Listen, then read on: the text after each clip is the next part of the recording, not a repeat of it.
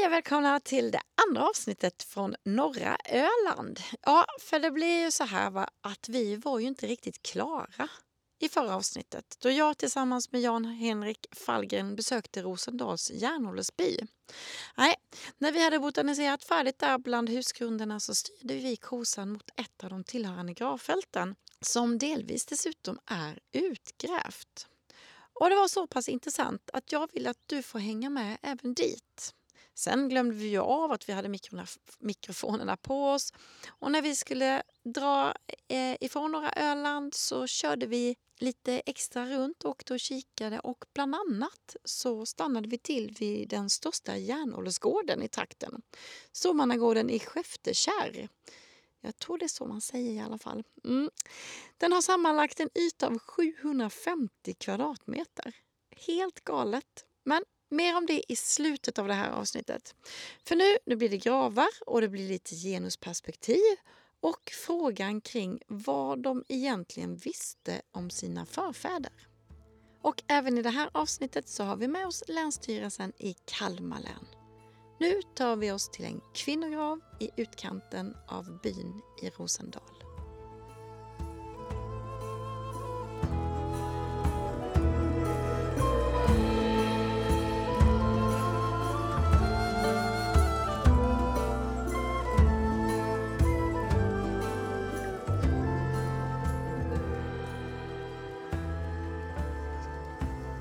Sen så sa ju du innan, ja de de försvann härifrån eller flyttade ja, 610, 20, ja. 10 kanske. Ja. Så, hur vet du det? Ja, det är väl de fynd, alltså dels C14 i, i det där huset och fynd från det huset och sen fynden från gravarna här på gravfälten. Och vad är det, alltså, vad är det ni har daterat då? Ja, då I gravarna så är det i huvudsak fynden som alltså fibler och ah, ja, ja, ja, ja, ja, ja. Såklart. Eh, sådana som går att... Vi kan kolla på den här. Är väldigt, mm. Om vi ska ha ett genusperspektiv. Så kan ja, nu kör vi ett genusperspektiv. Det är viktigt också.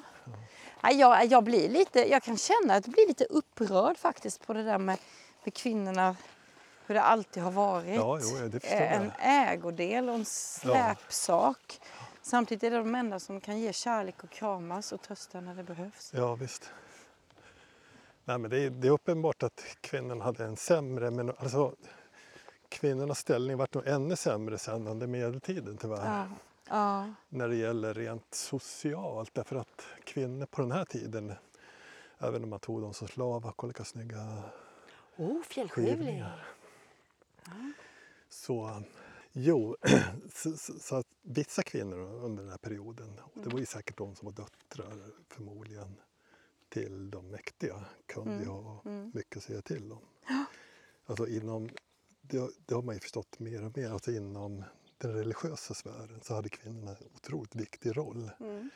som sådana här sierskor. Alltså de, förmodligen var det så, det finns mycket som talar för att i varje fornborg fanns det tidvis en sierska som satt och funderade ut vad som skulle hända under året och mm. hur männen skulle agera i krig och, och, om det var möjligt, att, är det bra att ge sig ut på boskapsräder i år eller nästa år eller om månad och så vidare.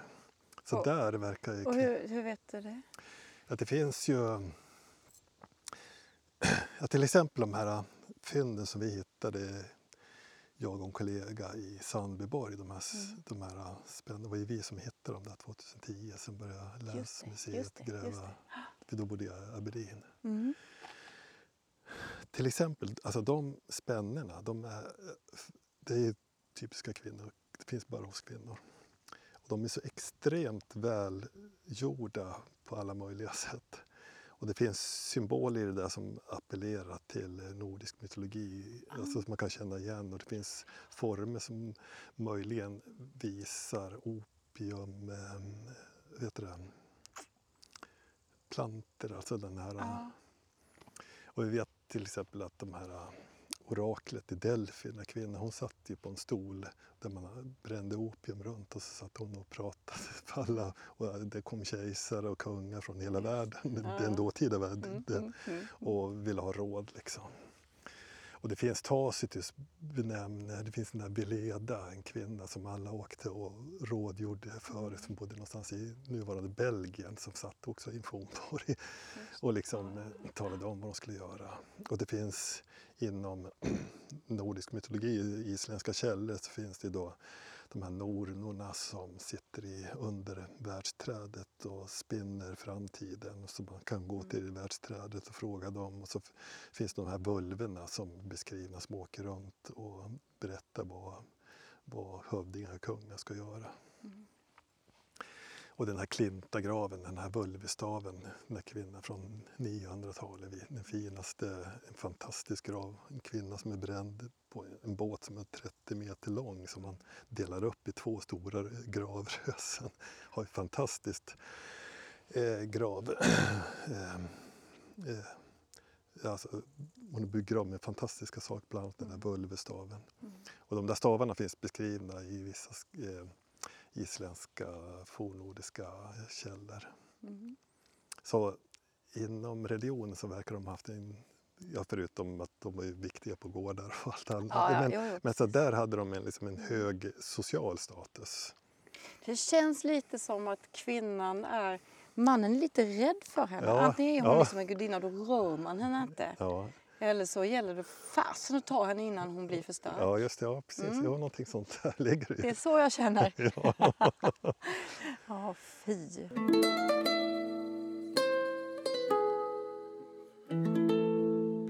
Jag visste att det fanns ett gravfält som var registrerat. Det finns ett stort röse där inne som Mm. inte ser längre. Men i alla fall. Och så går det en järnväg som går här som byggdes på 1800-talet. Så går ner till det masteträdsbeståndet. där. Mm. Och sen kom de där vägarna till på 1800-talet. Men det här var inte registrerat så jag tänkte det här ser ut som en grav, det måste vara en grav. Så jag torvade av den, fanns massa buskage här. Mm. Och när vi började, jag hade ett gäng studenter, vi grävde här tre år tror jag för att det tog så lång tid att lyfta på alla stenar. Så vi, vi, lyfte ju allting för hand. Det. Mm. Och det första vi hittade det var dels såna här eh, hartstätningsringar. Så det har varit såna här laggkärl eller eh, näverkärl med mat, alltså med ben. Och det var fiskar och det var gris och det var fårben och nötben och så vidare. Wow. Och sen låg det jättemycket stenåldersartefakter här. Okej. På, På. ja, från neolitika.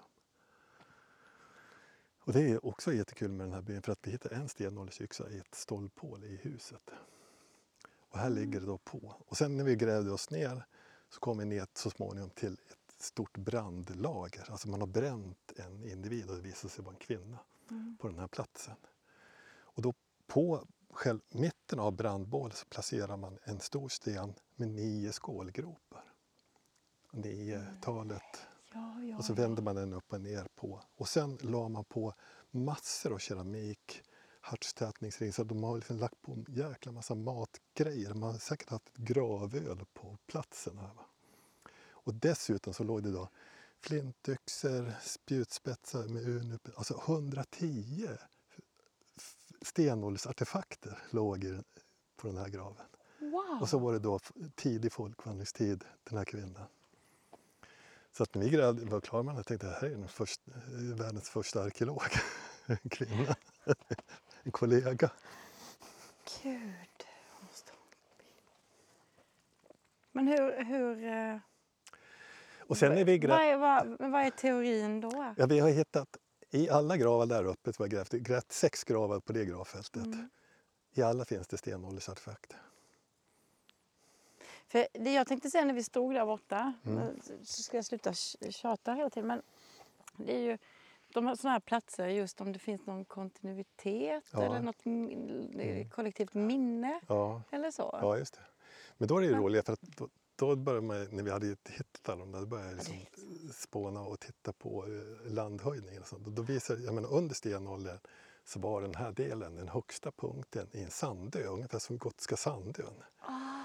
Och så var det då närmsta ö, det var Horns udde, nere, alltså en kalkstensklippa. Sen var det då ett pärlband med små öar ner till övre Vannborg ungefär. Och då var det här en sandö. Då har vi liksom alltså fastlandet där och Blå Jungfrun, Mm.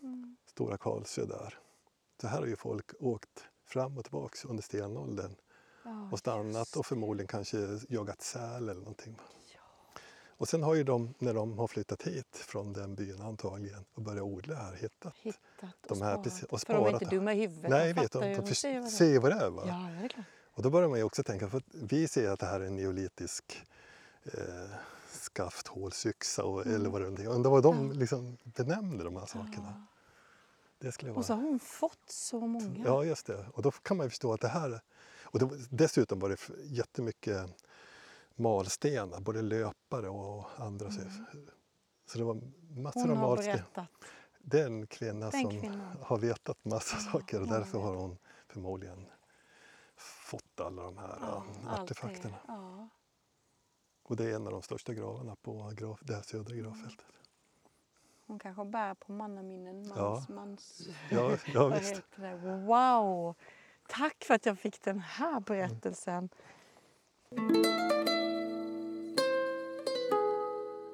Ja, det, här, det här ska man inte skoja om. Nej, det är en Wow. otrolig plats. Och sen här nu, här, där är någon Ja, det är ett gärde som går här, så hängnaden som har blivit ja. förstås runt där. Och så, och så går det ett annat på den där borta och, så, Ja. och då är det en tvärgata som går ut. Just Då, det, Färggatan går ut. går ut där. Och sen det ligger då gravfältet där och då börjar liksom betesmarken, allmänningen här.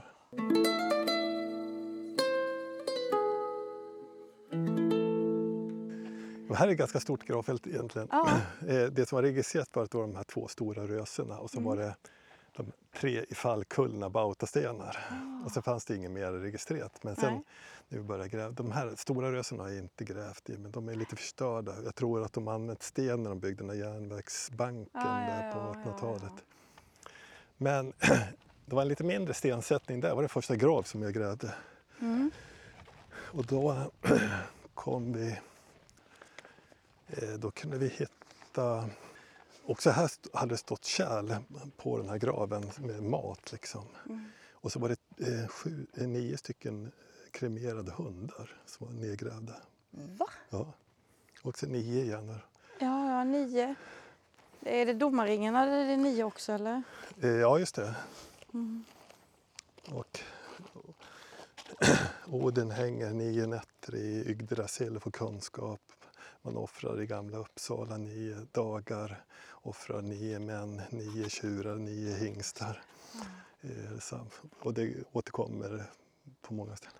Och här är sån här så kallad sydsten. Det här är typiskt för gotländska gravar faktiskt. Okej.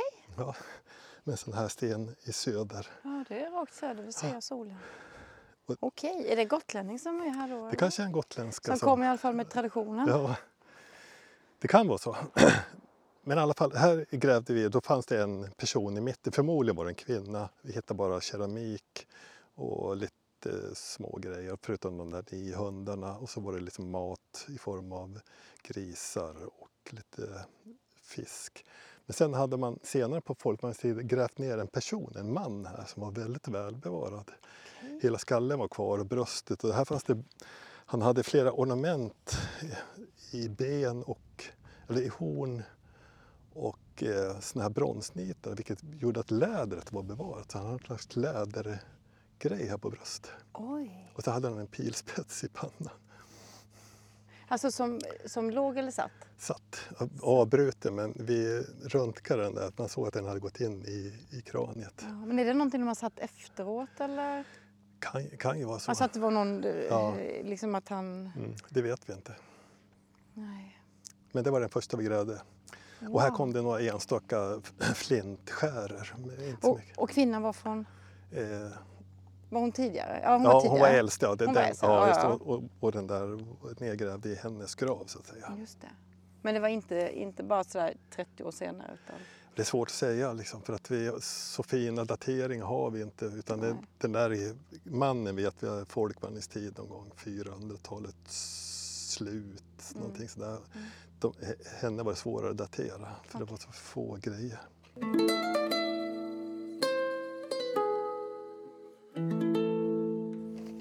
Och så grävde vi den där bautastenen. De låg ner allihopa. Sen har vi liksom rest och vi hittade själva hålet, ja, de stenskodda hålet. Så den där är dubbelt så djup neråt, på alla de här, än de är uppåt. De är mycket större stenar än man tänker sig. Var hålet så djupa? Ja. Så vi ställde tillbaka dem där med hjälp av en Undrar det traktor. var, var det... Ja, det är lika viktigt med underjorden då som ja, över. Ja, visst. Och så för att de skulle stå kvar. Men där var det en man som var begravd, kremerad med Mm. vapenutrustning, eh, delar av en sköldbuckla, lite pärlor, agrafknappar, ganska snygga sådana här folkvärnstida 400-talets början. Mm. Och den där lilla stenen till höger där, ser jag, Mm. där fanns det också en liten begravning, brända ben, en ung kille Okej. med små, små agrafknappar. Och så var det ett kärl, ett sånt där speciellt gravkärl som man gjorde till just begravning med och typ Ja. vackert ornerad så man kan dricka i pipen. Så. Mm. Den där var helt tom på fynd. Men den här var nästan snyggast. Ja. För Den står i en rektangulär stensättning med runda hörnstenar. ja. Och så de har utvalda, de här, stenarna, de här småstenarna kommer Mm. från stranden där nere. Jaha. Så de har tagit, varit nere och hämtat dem där. Och sen har de... Men det fanns ingen begravning eller någonting i den här stenen. Och det kan ju vara då en kenotaf kallar man en sån här att någon som har drunknat eller dött utomlands, Precis. en minnessten. Ja. Eller så är det bara någonting som vi inte känner till ska finnas på ett gravfält som har alltså nå- någon fin konstruktion som, som fyller någon funktion Mm. som vi inte har en aning om. ja, det kanske är den där eh, sorgelunden eller vad ja, heter det vi ja, har ja, idag. precis. Ja. Nej, men där man kan gå fram till de som faktiskt inte finns i fysisk Ja, exakt, ja. Ja. Och så ser man en grav där som kom Där, fram ja. när vi har sprungit och så grävde vi en grav där det står en pinne där. För Ja, att det, där, ja.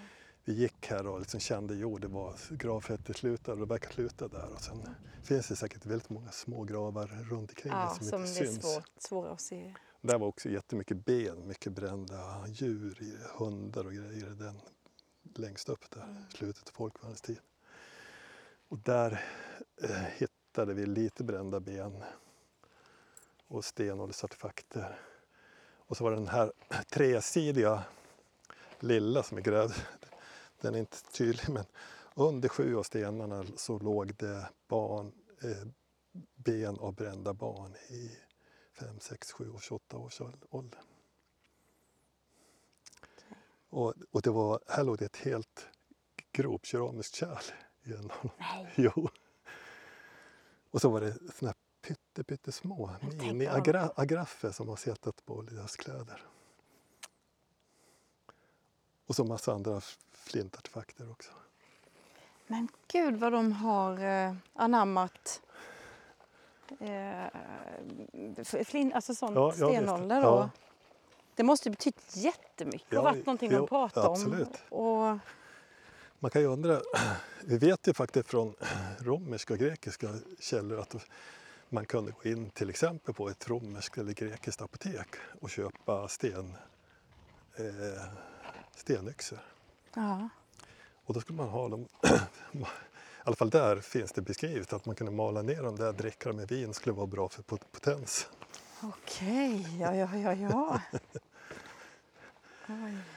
Så handeln med sådana där har nog Ja, varit, precis. har varit Och jag vet Ja. när man grävde me- medeltida Lund så hittade man ju flera hundra stenåldersyxor Ja, i det medeltida. Och det är, liksom, det är sånt som är samlat. ja precis. kommer från någon helt annan plats. Mm. Det finns någon, nu har jag glömt bort vilken, men det finns någon isländsk saga som berättar om en person som, att det är en sån här släktfejd, någon ska försöka döda någon. Men han är så bra på att gallra så att det går inte att ta koll på honom. Och då rider han till en annan kille som har kunskap om gallring och säger att ja, hur fan ska jag få ta koll på honom? Ja, men om du seglar tillbaks till Norge och gräver i jorden efter trollpilar i sten. Så gör han det, åker tillbaks och så lyckas han med dem döda honom. Mm. Så det Ja. kan ju varit någonting att, man tänk, att de tänkte sig att det här var alvernas föremål eller Ja, trollens ja, föremål. Att de betydelsefulla har de ju absolut varit. Mm. Nej, vad spännande.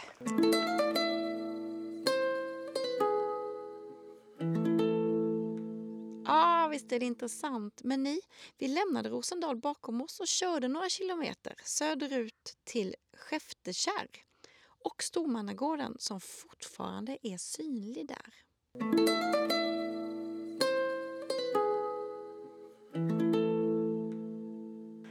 Ja, här kan du se, det här är då mycket större än i Rosendal. Det här Ah. är en gård. Oj, vad tydligt. Ja. Du såg den där gården som jag grävde, det var på 120 kvadrat. Ja, den ja. här är på 750. Det är ett stort hus där, ett stort hus där, ett stort hus där och så är det ett fårhus där nere som är 20 meter. Och är, ligger den, men den här ligger, ligger den lite för sig själv då? Eller är det ja, det, ligger, det ligger liksom, eh, närmsta granngård ligger där borta 200 meter eller Okej, 100 det är så, meter. Och så, så ligger de utspridda efter en, det är en, en sån här ablationsmorän, heter det? Ja. eh, som går här. Men det, är, alltså- det finns 25 husgrunder. Wow! Så det här är en riktigt stor by. Då. Det här är 37 meter långt det där. Det här att de har runda, att de är rundade, Gaven, ja, gaven på alla ja, husen. det är typiskt på Öland. Medan på Gotland så är det en rak gavel. Ja. Och det, varför? Ja, det vet jag inte. De har liksom haft någon annan teknik med att bygga. Alltså man måste placera tydligen stolparna på ett annat sätt om man har rak gavel än om man har en rundad. För då, Ja. taket kommer ju blir ett valmat tak. Gaveln kommer bli så här, Mm. eh, ja, det. taket, medan de gotländska har liksom en rak sida. Ah, ja, ja. Då har vi grävt det där huset, det där huset, delar av det där huset. Mm. Så jag har grävt lite mellan husen och utanför husen där. Och det här är tydligt att det här är själva boningshuset. Det här har säkert den här hövdingen eller kungen, småkungen bott. Och det är konstigt, det ser inte så stort ut. Nej. Men så vet man att ett hus av den storleken, när man väl börjar bygga upp Ja, det så blir det... Ja, den där ladan som står där borta, Ja. den är mindre än det där huset. ja, det är inte klokt. Då förstår man hur stort det har varit när taken var på dem. Där hittar vi vävstolar, vi hittar liksom såna ämnesjärn, verktyg och grejer, förvaringsgropar med eh, fårben och allt möjligt i. De byggde aldrig något loft och såna grejer. Ja, det kan de, jag, jag skulle tro att de har haft ett innertak ofta så att Mm. Man har kunnat förvara säd och malt och, och skinkor och Ja, rökt fisk. Va? Om man då liksom eldar hela tiden då stiger röken upp i en sån här ett rökfångel, liksom Mm, en tratt. Va? Och då blir den där rökfylld hela vinden jämt. Va? Och då klipper man ju problemet med Ah, ja, ja, skadeinsekter och så vidare. Wow. Och det här huset är uppdelat i ett storkök och ett stall. Så halva huset har varit kök, ett jättekök med flera eh, eh stora härdar efter varandra och en bakugn på ett ställe. Och sen förvaringsgropar här där vi hittade får och allt möjligt. Och sen har det, den andra delen det har varit en skiftesverksvägg och så har man kommit in i en, i en eh, hall och sen har man kommit in i stallet i en annan dörr och så har djuren gått ut i den gaven där borta. Och där har det stått kor, kor, kor, kor, kor, kor, kor, kor. Och sen hittar vi rester av tuggade ben i hörnet i en grop. Så här eh, hund, så här, säkert legat en vakthund längst Ja, ner där vid, dörr, vid dörren. Och där hittar vi dessutom i ett av de här avgränsade båsen en hästsko. Den äldst daterade hästskon i Skandinavien. wow. Och året? Eh, slutet av 500-talet.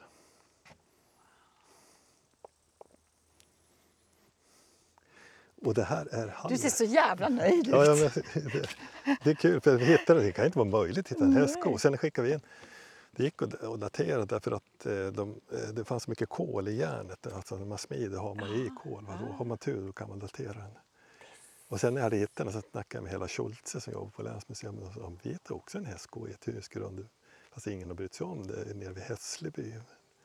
Ett hus som var daterat till 700-talet. Ölänningarna verkar vara först med hästskor. Wow! Och vi vet dessutom att ölänningar under den perioden var mycket nere vid Svarta havet där avarerna kommer in just då. Och det är de som uppfinner hästskon. Så de måste ha träffat avarer.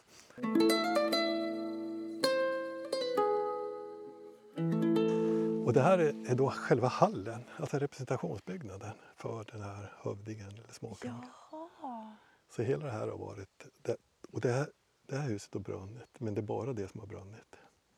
Det brann 596, 97, 98 eller 99 brann det ner helt och hållet. Och här hittar vi då vägg, rester efter väggar, alltså bilade ekplankor och askplankor som har rasat in så här. Oj. Och så är det förkolnat material från en, en grop fylld med mältat korn.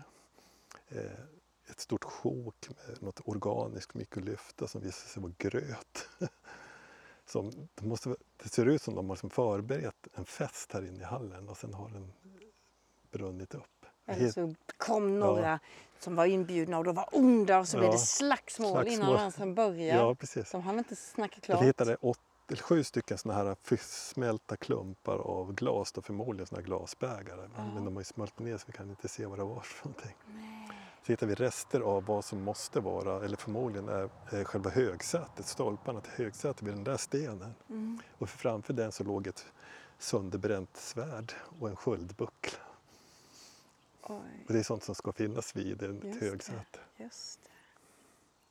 Och vi hittade, vid en här så låg det en sån här stor järnklump försmält, förmodligen en järngryta som har stått där. Men av hettan så har det liksom Var såg Var var den? ja, den var Där. där borta. Och ingång och så. Den är där nere. Den är där nere. Nej men det är en fest som har gått fel. Ja, absolut. Fy! Men kan man se, när den då brann ner och det var det sista Ja. egentligen. Fanns det här kvar då? Ja, det, Alltså, det är jag inte helt säker. Det är svårt med datering men det, det verkar som de har bott kvar i de här husen ett tag till. Men det Ja. är inte så lång tid. Men det, det brann men de här skad, skadades inte av branden. Men vi har några enstaka yngre dateringar här bland hästskon. Så att någon har, Och, och vad, så, vad skiljer då i tid? ja, det kanske är 20-30 år eller sånt där. Ah. Det var kvinnorna bodde kvar här. Mm. För männen de, Gick åt. de gick åt. Inte... Det blev för mycket, för mycket bira och slagsmål. Ja, ja. Och sen råkade ta fjutt. ja, Tänk om man visste vad som hade hänt. ja, exakt. Jag lät nästan lite som haha, Ja. det kan de ha männen. Nu åker jag hem från detta. Ja, det jätte-. Jättehäftigt är ju detta.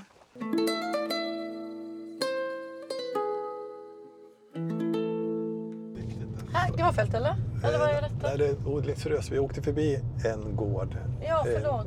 Ja, det gör det. Och här kommer nästa gård. Ja. Eh, Så att de ligger liksom på eh, ungefär 100-150 meter från varandra. Men som, de här är förbundna med den där stora gården med en, en färgata som Ja. går fram hit det här. är En gård som består av tre hus. Och så kommer en gård här som bara består av ett De här är ju mycket, alltså det här är mycket större än, än Rosendal. Ja, alltså ja, just allting, sådär. allting, all, Allting. alla gårdarna här är större. Liksom. Mm, men allting och även Ja. hur de är utspridda. Ja, det exakt. känns mer Ja, som det- steget efter eller Ja. längre. Eller vad ska jag säga. Där kommer nästa gård. Det består av ett hus men uppdelat i två förmodligen stall och våningshus.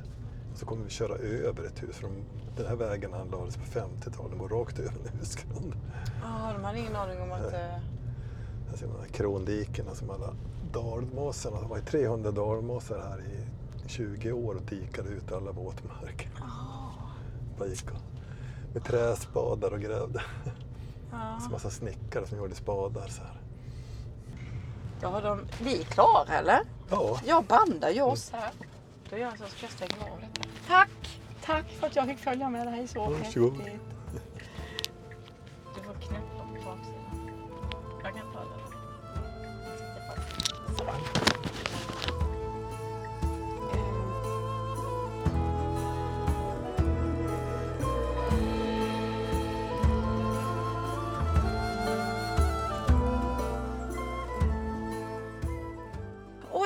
Vill jag tacka Jan-Henrik Fallgren för att han tog med oss upp till norra Öland och gav oss en inblick i hur norra Europas absolut bästa järnåldersbyar ser ut idag, men framförallt hur de levde och verkade då.